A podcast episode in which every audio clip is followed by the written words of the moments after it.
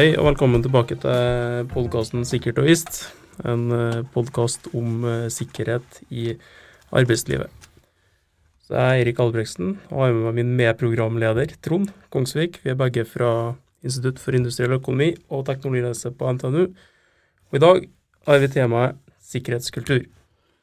Ja, og sikkerhetskultur er jo et svært tema som er ja, si, mye omhandla, mye diskutert innenfor sikkerhetsfeltet. Og i dag så har vi med oss en ekspert på temaet, Stian Antonsen, som eh, har skrevet en doktoravhandling om sikkerhetskultur, eh, og har vel òg jobba med kulturbegrepet i etterkant.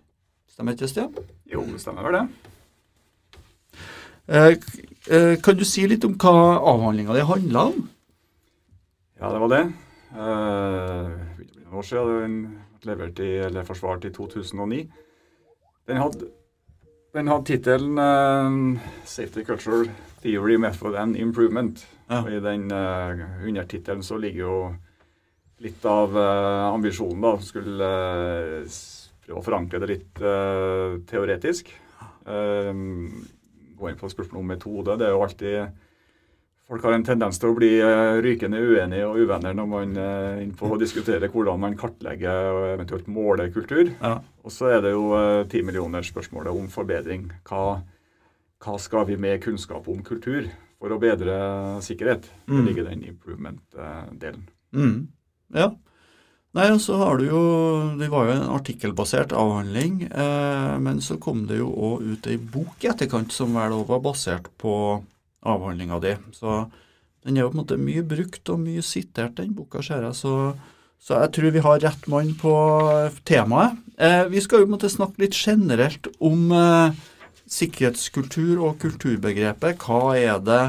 Eh, litt om historikken, kanskje, og, og også hvorfor i verden har det blitt så populært. Jeg, jeg kikka jo litt på Safety Science, eh, det her tidsskriftet som eh, vi publiserer en del i og, og kikka litt for 2020. Hvor mange artikler er det som har sikkerhetskultur eller kultur som uh, tittel, eller uh, i sammendraget, eller som, som, et nøkkelord? Og der var vi faktisk oppe i 35 artikler bare i Safety Science i 2020. Så det er jo fremdeles et veldig populært begrep også innenfor sikkerhetsforskninga. Så det det må vi jo komme litt tilbake til. Eh, hvorfor i all verden er det sånn? Eh, men bare først litt rann, Hvis vi skal si noe om hva kultur og sikkerhetskultur egentlig er for noe. Eh, hvordan skal vi nærme oss et sånt spørsmål? Det er jo et ganske stort spørsmål, selvfølgelig. Ja, det kan godt hende det er flere spørsmål òg. Du, du, delte jo mellom kultur og sikkerhetskultur der. Ja. Jeg tror jo det kanskje er noe av nøkkelen Eh, til å forstå hva det er. at det, det, første du skal spørre, er jo hva er organisasjonskultur. Mm. Og Så kan man begynne å spørre hva er det organisasjonskultur betyr for sikkerhet. At det er to litt forskjellige steg. Organisasjonskultur er jo relativt eh, det er jo omstridt for så vidt, det òg, når det gjelder definisjoner og alt sånt. Men det er jo et ganske godt etablert begrep og har vært lenge. Og Det handler jo om at man har noen tanker om at det er noen uformelle sider ved organisering som betyr noe. Altså, mm. folk eh, tenker og samhandler, hva man uh, syns er viktig og mindre viktig, og hva mm. som man syns er eh, rett og galt. Mm. Og det tror jeg alle som, uh, alle som har jobba i en organisasjon, kjenner seg igjen. At det er noen sånne spilleregler som, som påvirker hva folk gjør. Mm. Og hvis det påvirker hva folk gjør, så kan det også tenkes at det påvirker hva organisasjonen får til. Enten det er innovasjon, eller det er sikkerhet, eller det er noe annet.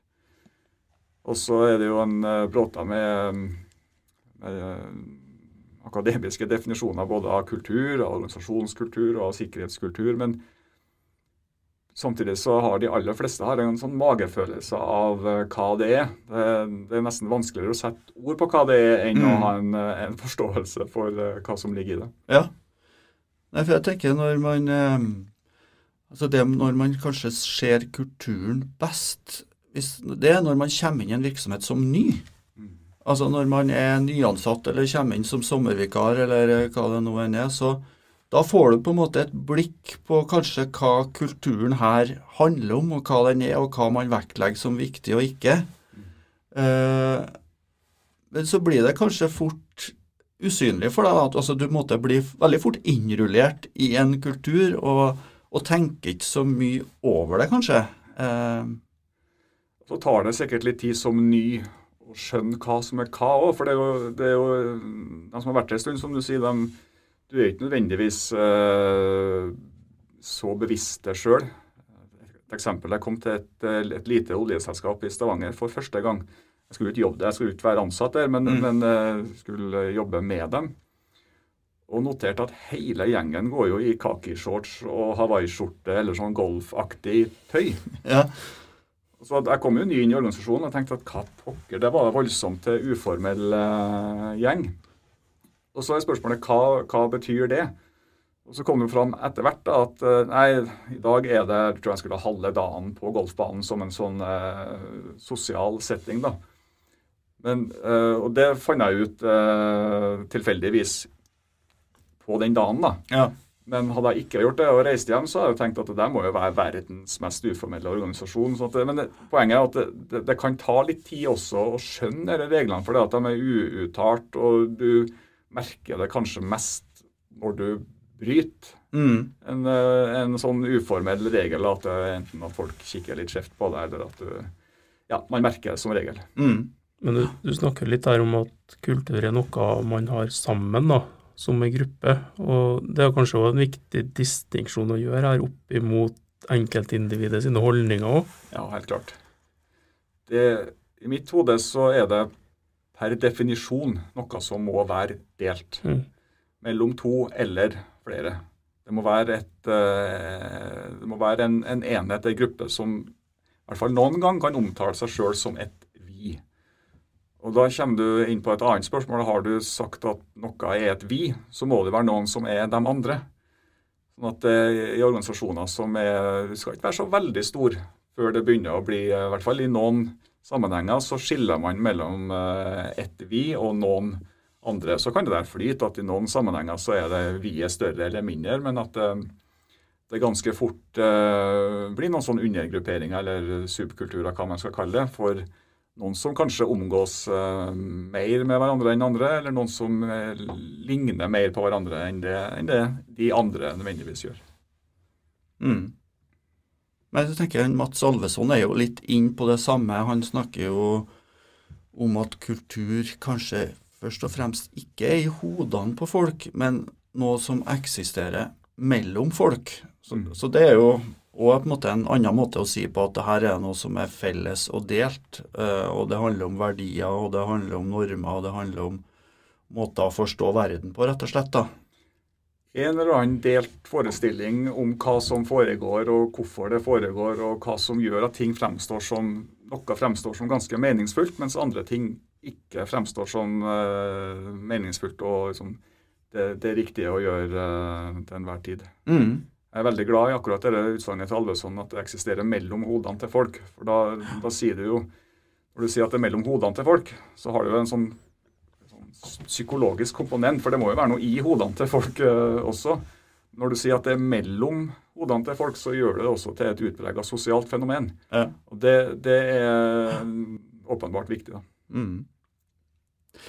Men så er det her ikke noe sånn spesielt nytt begrep heller innenfor sikkerhetsfeltet. Det er jo tatt opp i en god del andre si, perspektiv òg. Det første jeg kommer på, er jo informasjonsperspektivet til Turner og Pigeon. Eh, I hvert fall det jeg måtte regne som eh, den første gangen jeg nevnte.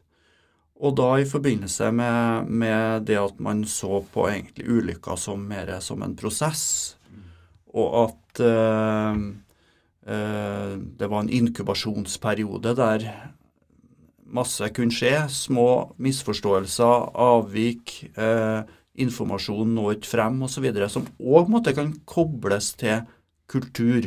Eh, stemmer ikke det, Stian?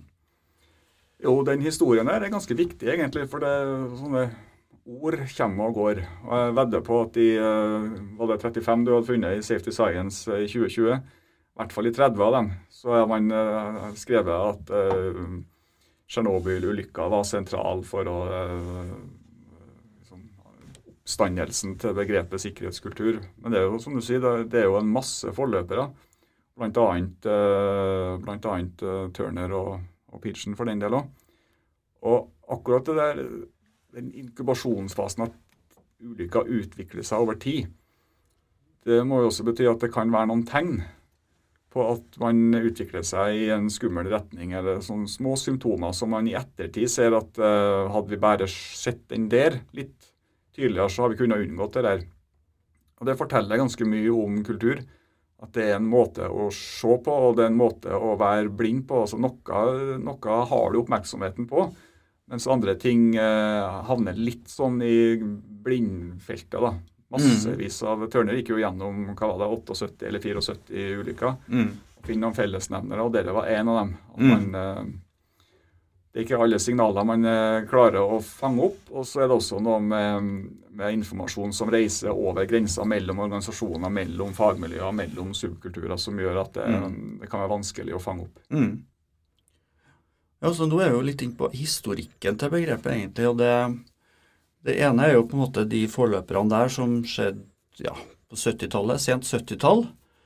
Men så fikk du vel òg noen større ulykker utover 80-tallet som òg ble forklart med at man hadde en dårlig eller umoden sikkerhetskultur, eller Der eh, 80-tallet Det var mange som snakka om kultur på 80-tallet.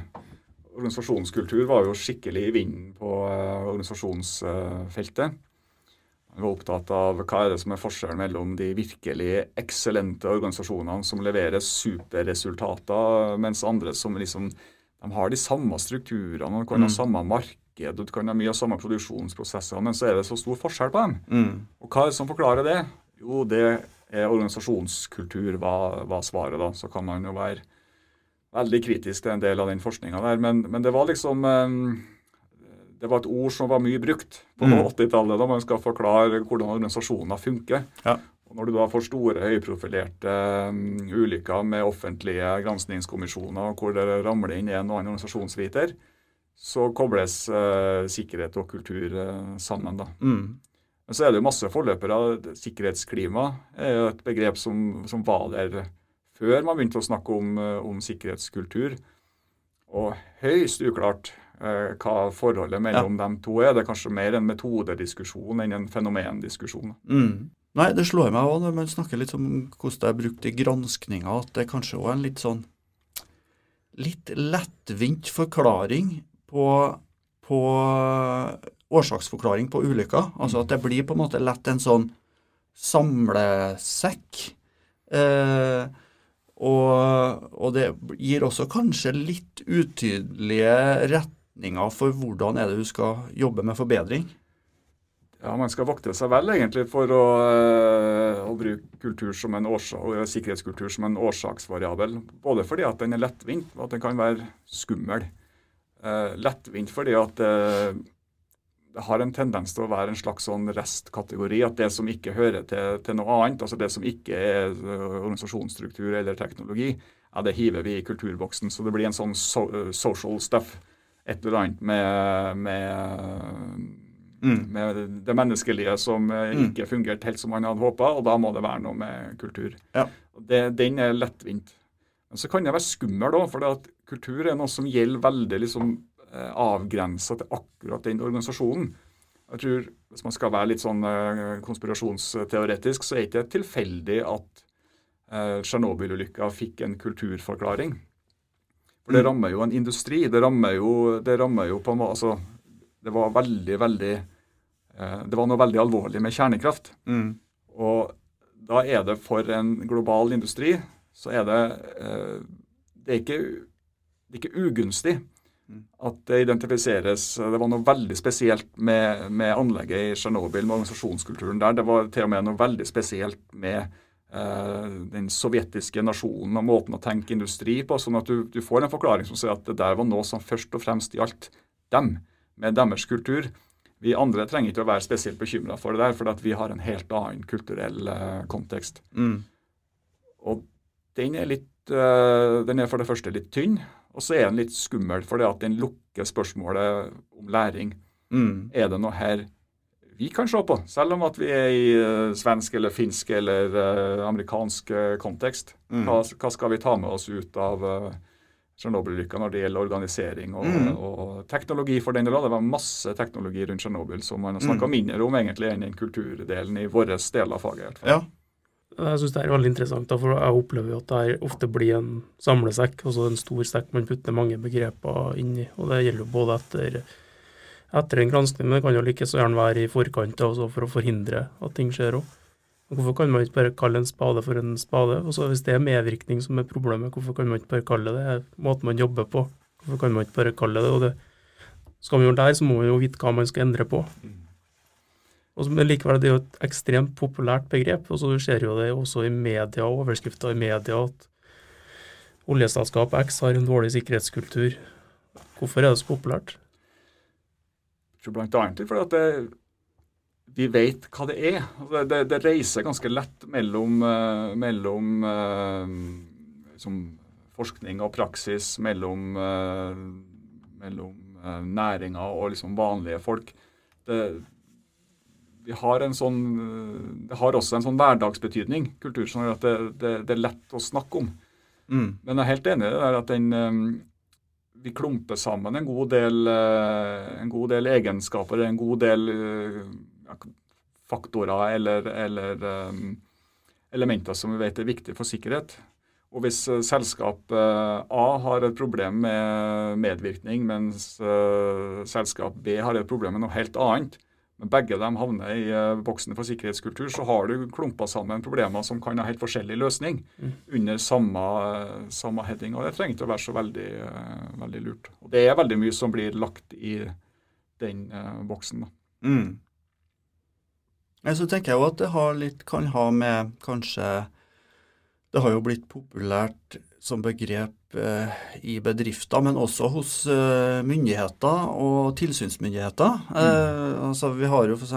Petroleumstilsynet som gjennom rammeforskriften sier det at eh, jo, alle selskap som opererer på norsk sokkel skal ha en god sikkerhetskultur. Og da er jo klart, selskapene må jo agere på det. og og, og demonstrere for omgivelsene og, og Petil at uh, her jobber man faktisk med kultur.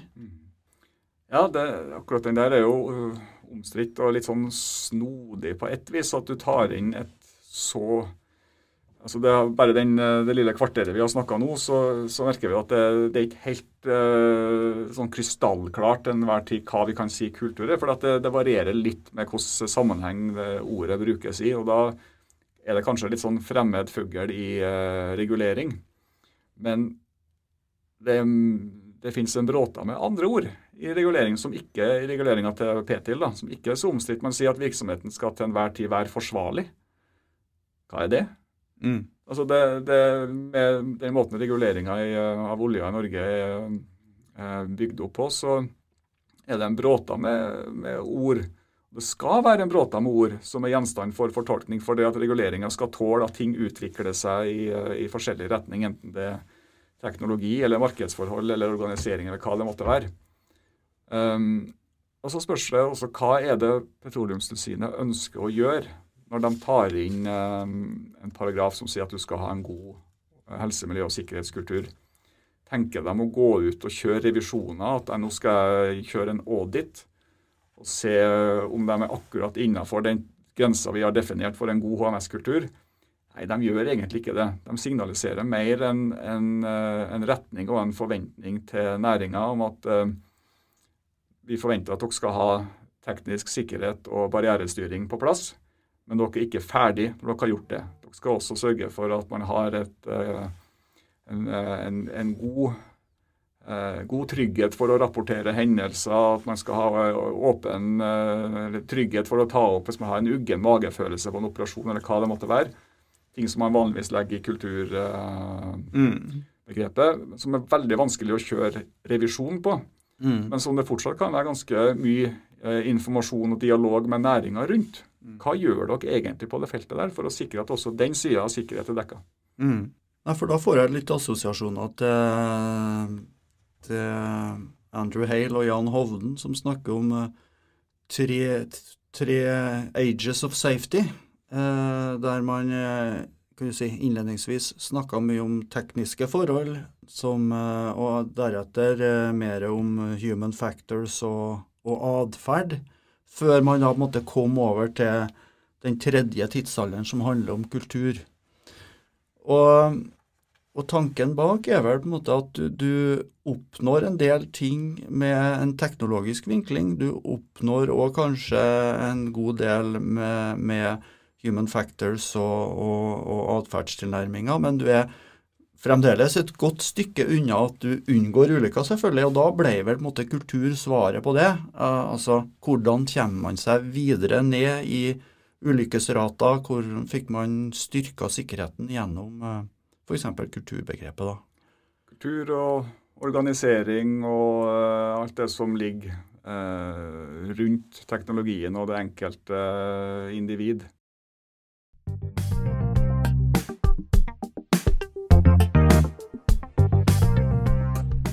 Men vet vi om det virker? Altså, jeg, jeg Hjelper det egentlig å ha en god sikkerhetskultur? Får man da færre skader, færre ulykker? Er man vaksinert for storulykker f.eks.? Eller eh, hva er på en måte kunnskapsstatusen der? Jeg tror den er i beste fall, uh, beste fall uavklart. Det er jo sånne tvillingstudier at man har, man har tatt uh, to anlegg i samme selskap og sammenligna uh, Altså, da har de jo eh, De produserer det samme, mye av samme rekrutteringsprosessene, teknologien eh, så Veldig mye ser likt ut. Så opplever man at det er, det er en forskjell i, i, eh, i skal ikke glemme ledelse her heller, da, men at det er en forskjell i, i ledelse og kultur mellom anlegg. Og ser en forskjell i sikkerhetsresultatene. Men det er jo alltid så mye annet som påvirker resultatene. Det er, det er lang avstand fra trekk ved organisasjonskultur til den outputen organisasjonen har. Det er veldig mye som, eh, som påvirker det der. Men så er det jo igjen da, at hvis man, hvis man setter opp ei, ei liste, kaller det sånne mellomliggende variabler, altså hva, hva, vil vi ha hvis vi tror at organisasjonen vår ivaretar sikkerhet godt? Du, du vil ha um, åpenhet rundt egne og andre sine feil. Du vil ha rapportering. Du vil ha en annen form for feedback-loop mellom ledere og vanlige ansatte. Du vil ha, ikke minst, ha en toppledelse, et styre, hva det måtte være, som prioriterer og investerer i ting som har med sikkerhet å gjøre. Og Hvis du aksepterer den typen faktorer som at det her har noe med sikkerhet å gjøre, så er det ikke veldig vanskelig å se den linken at de her har også noe med kultur å gjøre. Mm. Så, så, det, her, den, det én-til-én-forholdet, det, det, er mange som har prøvd. Og, det, det er jo en god del studier som viser en sammenheng mellom eh, gjerne eh, sikkerhetsklima målt i, i spørreskjema og sikkerhetsresultat. Men så er det så mye som ligger imellom eh, mm. det ene og det andre. at det, eh, du får ikke det å isolere effektene nødvendigvis. Da. Du må lage noen mellomliggende variabler som, eh, som kan bety noe for sikkerheten. Mm. Jeg tenker Utfordringa er jo kanskje at vi opererer i den virkelige verden, og at det er veldig vanskelig å tenke klassisk eksperiment eller kontrollgrupper eller den type ting. Men eh, det er vel noe som du sier, altså at det, det er noen spørreundersøkelser i hvert fall knytta til sikkerhetsklima som viser en del sammenhenger. og sånn Typisk resultat som jeg har sett, er jo at du, du kan forklare altså at sikkerhetsklima, som kanskje kan behandles som eh, synonymt med sikkerhetskultur i noen sammenhenger, forklarer 20% av variasjonen i sånne eh, variabler som uh, etterlevelse, f.eks., og det å på en måte å, å være proaktiv og, og, delta i sikkerhetsarbeid i, i organisasjonen, og, og, også det som kalles mindful safety practices. Det er på en måte at du er hele tida på jakt etter små avvik, små feil, som kanskje kan utvikle seg til noe større. da. Så, men det er vel en metodisk utfordring her. Men klart, intuitivt så, så kan man jo lett tenke seg at det at en god sikkerhetskultur gjør at folk jobber sammen på litt annen måte enn bedrifter som har en dårlig sikkerhetskultur, og at sikkerheten generelt blir bedre ivaretatt da. Det er vel noen studier som viser det motsatte òg, men, men um, det er vel like mye en um, Hva skal man kalle det? da? Altså det, det som jeg nevnte, så er det, det, er som, det, er mye som, ligger i nærheten av kulturbegrepet eller sikkerhetsklima, og et av dem er ledelse. Så Spørsmålet er liksom hva, hva er det man måler når man måler klima? Hva er det man får med seg dimensjonene når man kaller ting kultur? Det er litt tilbake til det som Eirik var inne på med, med noen ganger så kan en spade være en, en spade. Og, men det, det, virker i hvert fall veldig sannsynlig at det, den sosiale sida ved arbeid gjør noe for det å kunne, å kunne avdekke for, i en operasjon eller en skarpe ende at her, her, er, her skjer, det her ser ikke helt bra ut. Hvis, hvis noen punkt én ser det, og punkt to sier det, så, eh, så, virker det som en ganske mektig eh, mekanisme for å unngå de her rent operasjonelle ulykkene, eh, i hvert fall. da. Jeg, står her, jeg er jo ingeniør og står her sammen med to sosiologer et spørsmål som bare eh, dukker opp til meg nå når her og snakker. og så Trond innleder jo med at det finnes veldig mye publikasjoner om sikkerhetskultur. og Stian er jo en av dem som har bidratt godt til det opp gjennom tida. Trond, du har gjort det òg. Eh, samtidig så snakker vi veldig her om at det er på en måte et litt sånn, det er et ullent begrep, og det er mange fasetter inn her. og sånn. Men hvordan driver vi forskning på sikkerhetskultur? altså Hvordan metodisk går man fram? Her øver du antagelig en god, et mange fasetter tilnærming? Ja, det er det. Og store forskjeller mellom, uh, mellom fag, uh, de ulike fagene, også innenfor samfunnsvitenskapene, nesten ikke minst innenfor samfunnsvitenskapene. Men for meg i hvert fall så er det en um, I det øyeblikket du, du aksepterer premisset om at det her er et, det er et sosialt fenomen, og at du ser det gjennom interaksjonen til folk, altså måten folk samhandler på, og, og um, kommuniserer på, så får det en, en sosial dimensjon som gjør at du må nesten være ut i den konteksten hvor folk jobber og samhandler og kommuniserer for å få et inntrykk av hva det er.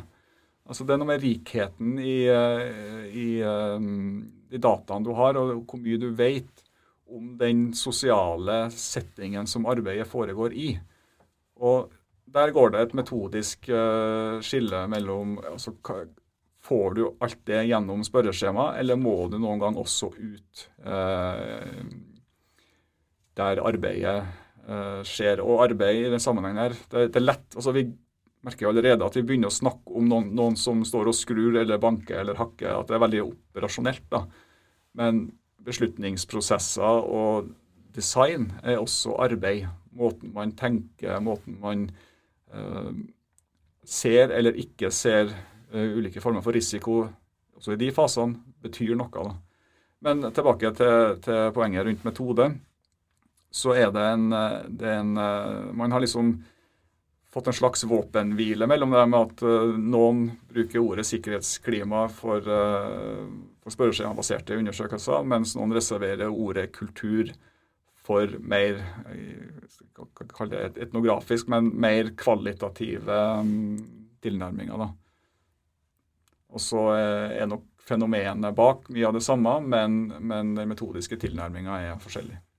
Yes. Nei, da kan vi jo gå over til et annet stort spørsmål. Det er jo om, eh, om man faktisk da kan styre eller påvirke kultur. Altså gitt, uh, gitt dette premisset om at en god sikkerhetskultur er bra for sikkerheten og sikkerhetsresultat, så er det vel, sånn som jeg har forstått, ganske stor uenighet da, mellom uh, forskere om man faktisk kan styre eller påvirke kultur. La oss si du er en leder som, som ønsker å ha ambisjoner om å, om å, gjøre det her til en fantastisk god og trygg, sikker arbeidsplass.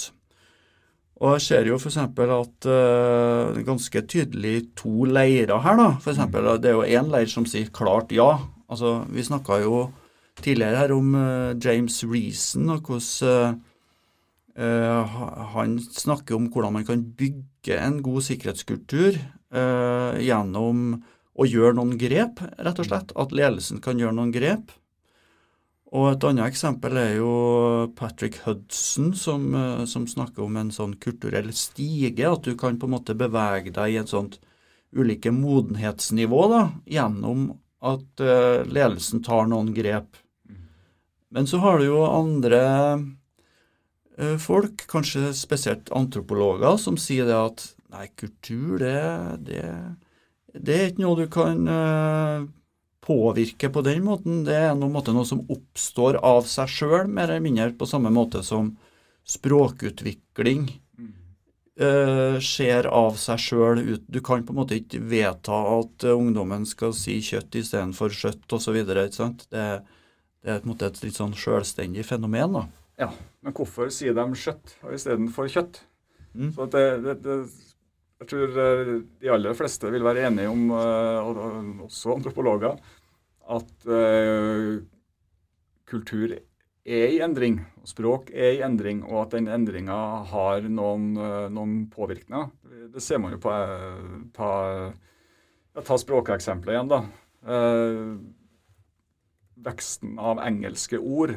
Så det må jo komme fra en plass. Det må jo mm. eksistere et språk som heter engelsk, og du må jo bli eksponert for det i en eller annen form, som gjør at du begynner å og Enten at du etteraper det, eller at det, det rett og slett er mer presist på engelsk enn, enn på norsk.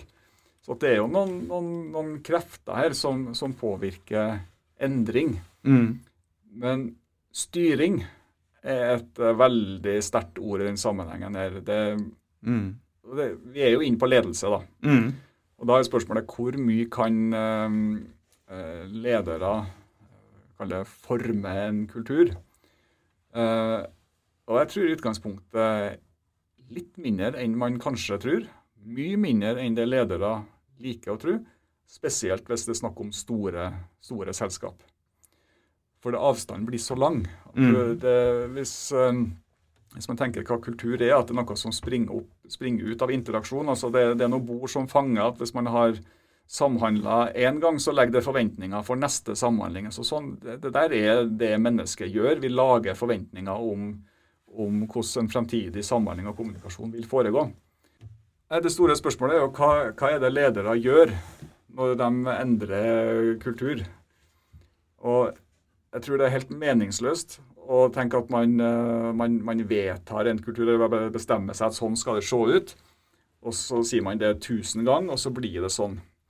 Og jeg har heller ikke spesielt tro på at de her um, verdiene uh, som står på nettsidene til selskap, at de nødvendigvis betyr så mye i alle selskap. Det kan gjøre det noen plasser, men det, det er litt sånn litt merkelig at, at Steinkjer-Martnan og Equinor har omtrent de samme verdiene. De gjør litt forskjellige, litt forskjellige ting. Um, men det betyr ikke at ledelse ikke betyr noe for kultur.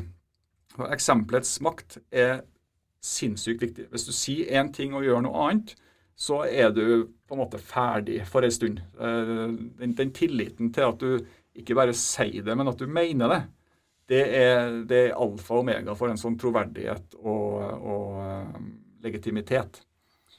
Men, men, hva er det man gjør da? Jo, da, da man bruker på en måte symboler for å, å signalisere at noe er ekte, at vi, vi skal ha en retning. Den tror vi genuint på. På sikkerhet så er det der nøkkelen. altså for du, du, må stole på at hvis jeg rapporterer min egen feil, så får ikke jeg svi for det. Og, og, og da, da, krever det en viss form for eh, Du får ikke åpenhet uten tillit først. Og så De som har veldig tro på at du kan styre kultur, der, det, der kommer man kjapt inn på en form for eh, sånn hardhet og klarhet rundt eh, konsekvenser for eh, belønning og straff. Vi gir penger til dem vi syns er flinke, og så gir vi eh, straff til dem som vi syns ikke gjør jobben. Da skal du være rimelig sikker på hva som er riktig og galt å gjøre i enhver eh, situasjon. Og Det er i hvert fall et bord som fanger med tanke på åpenhet. Og, og der, der, er liksom ledelse i en trade-off. da, mellom at du, du, kan jo ikke ha totalt amnesti for alt. altså at det, Hos oss får det ingen konsekvenser å gjøre feil. Det er mm. en, en kulturgreie i seg sjøl. Mm. Versus det at uh, til oss så må vi bare passe på å gjøre ting etter boka, så ingen kan komme og ta oss i ettertid. Vi, det viktigste er, og det er for øvrig en callback til Tsjernobyl her, hvis det viktigste er å følge sjekklista, sjøl om du vet at den bringer deg eh, rett til Ragnarok, så er det noe som ikke stemmer helt. da. Så, så det ledere kan gjøre, er å være genuin, være gode eksempler og legge gode rammebetingelser. Altså at man, man skrur kanskje på noe annet enn kultur og du skrur på rammebetingelsene der kultur oppstår. Det er kanskje en sånn mellomposisjon det er mellom, mellom uh, den uh, styringskåtheten uh, og det her at det, det, bare blir til av seg sjøl. Mm. Det blir jo til i, ikke i et vakuum, men i, et, uh, i, en kontekst. Og hvis du endrer på konteksten, så kan du endre litt på språk, du kan endre litt på måten samhandlinga foregår, hvem som samhandler med hvem, osv. osv. Det er en eh, langsiktig eh, affære som du ikke vedtar at vi skal ha en eh, fletta ny kultur inn 1.1.2022. Det er jo litt interessant. Altså, nå får du snakke liksom at lederorganisasjonen må ha en sikkerhetskultur. og så kan ikke bare snakke om en sikkerhetskultur i skarpe enden også der fagarbeidere eller operatørene, men like viktig en sikkerhetskultur i ledergruppe. og i en prosjektorganisasjon så kan man tenke seg at det er en viktig sikkerhetskultur også i et prosjekteringsmiljø, mm. sånn som, som, du stiller inn på, da, at man legger til rette for sikkerhet for dem som faktisk skal utføre arbeidet. og da, da Du var jo nevnt her tidligere det her med subkulturer. Her er jo eksempler på mange subkulturer. Men jeg tenker mm.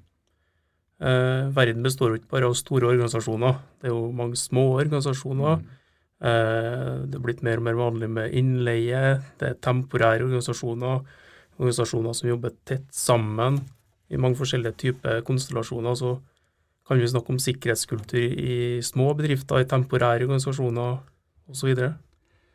Ja, jeg tror Du kan definitivt snakke om uh, sikkerhetskultur i små bedrifter. Men akkurat det, hvis du er inne på uh, type bygg- og anleggsnæring, så er det et ganske åpent spørsmål om vilkårene for kultur egentlig er til stede. For, så når vi snakker om ledelse i stad, så, så er det tydelig at dette er noe som utvikles over ganske lang tid. Men det er jo tid som den virksomheten her som regel ikke har. Altså én og én aktør kan ha det, men prosjektet vil jo ikke ha det. Der er det masse vekslinger. altså Du bytter ut folk eh, ut fra hvilken fase du er i. Og så er det midlertidighet, og så er det spørsmålet om språk, og så er det veldig mange forskjellige fag. Og så er det organisasjoner som pusles raskt sammen, gjør en jobb i høy hastighet fra dag én til dag slutt, og så demobiliseres det igjen. Og der, for meg så er det i utgangspunktet ganske vanskelig å snakke om kultur i den forstand vi har snakka om til nå her, fordi at tidsaspektet er såpass lite. Det er veldig mye eh, kulturell dynamikk altså mellom fag, f.eks., altså mellom de subkulturene her, som betyr noe. Men det å tenke integrasjon, altså eh, kultur som, som er en, en, en, tettere integrert en enhet i et sånt prosjekt, det er vanskeligere. og Det betyr også at virkemidlene dine blir litt annerledes. Da er du veldig styrt av kontraktene, og du må kanskje følge opp på en litt annen måte, mer ut i felt direkte på arbeidsutførelsen mer enn eh, en, um, mm. at det er kultur du jobber med. Så sikkerhetsstyring får en større betydning enn sikkerhetskultur i på en måte den type organiseringsmåter, da? Jeg ville ha tenkt det. Denne bransjen det er dere som har greie på. Men jeg ville ha sett at det er en del, det er en del utfordringer. Det er en del ting som ikke helt passer med, med kulturbegrepet i, i DNA-et på den typen virksomhet. Så at man kanskje må mer over på, på direkte sikkerhetsstyring mer enn langsiktig kulturbygging, i hvert fall. da. Mm. Jeg kjenner jo den næringa ganske godt. og det Jeg tror da er litt tilbake til det du snakka om her i sted, om ledere. Altså det er jo én ting som er ganske permanent i løpet av et altså byggefasen i et prosjekt, da, og det er jo det funksjonærgruppa. Så kanskje det å skape en god sikkerhetskultur i den funksjonærgruppa kanskje det som skal til for å kunne nettopp som Trond sier, styre sikkerheten til den hele tida jevne utvekslinga av uh, firma og personer som det er ute på en byggeplass. Gjetter på hvis, hadde, hvis, man hadde spurt uh, folk som har lang erfaring fra veldig mange forskjellige prosjekt, så vil de si at det er forskjell på dem. Altså at uh, på, I et prosjekt så flyter det veldig godt, og det er god sikkerhet og alt sånt, mens i et annet så trenger det ikke nødvendigvis være det samme. da. Og Det peker jo på at det her kanskje betyr noe, da. Um, den, den funksjonærgruppa. Og så kan man jo sånn høyttenkning, da, man kan jo se for seg at den um, må være litt overtydelig i, i uh, ledelsesutøvelsen. For du har såpass kort tid på deg å bevise. Uh, og få liksom lagt lista, som jeg gjetter på at det er et begrep man bruker i en sånn næring. Og at den, den symbolske ledelsen du utøver, den må du bruke litt utestemme på for det, og, og, gjenta og gjenta og gjenta. For det, det, må virke veldig raskt. Og du er avhengig av at det tåler utskifting av, uh, av folk. Jeg tror jo jeg har vært rundt på en del eh, bygg og anlegg, og jeg opplever f.eks. det her med ryddighet. Altså Hvis du kommer på et prosjekt og ser at det er ryddig, de har som regel en god sikkerhetsprestasjon. Og det tror jeg kanskje har en sammenheng med at det er ledere som er engasjert i sikkerhetsspørsmål, og motsatt når det kommer på prosjekter der det ikke er ryddig. Og Det er kanskje et uttrykk for en sikkerhetskultur òg, eller? Jeg tror det. Det er i hvert fall en, en, Det man ikke kan si, det er jo det at eh, det må bety at sikkerhet handler kun om å rydde. Nei, det må ikke. Men det, det, indikerer som du sier, det, indikerer kanskje noe annet. At vi, vi, skal ha en viss uh, orden her, og også det at vi, vi følger opp ut. At I det øyeblikket det, det ligger gjenglemt verktøy eller materialrester, så er det noen som vil se det ganske kjapt. Og det vil jeg anta at man plukker opp. Mm.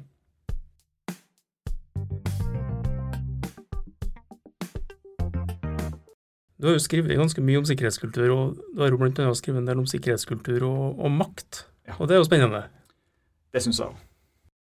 Altså, grunnen til at jeg um, hang meg opp i det der med makt, det er at du, altså, kulturbegrepet altså Når ting er delt, så kan du fort få en del sånn, eh, du får en følelse av at nei, men her er vi plutselig alle en stor, lykkelig familie.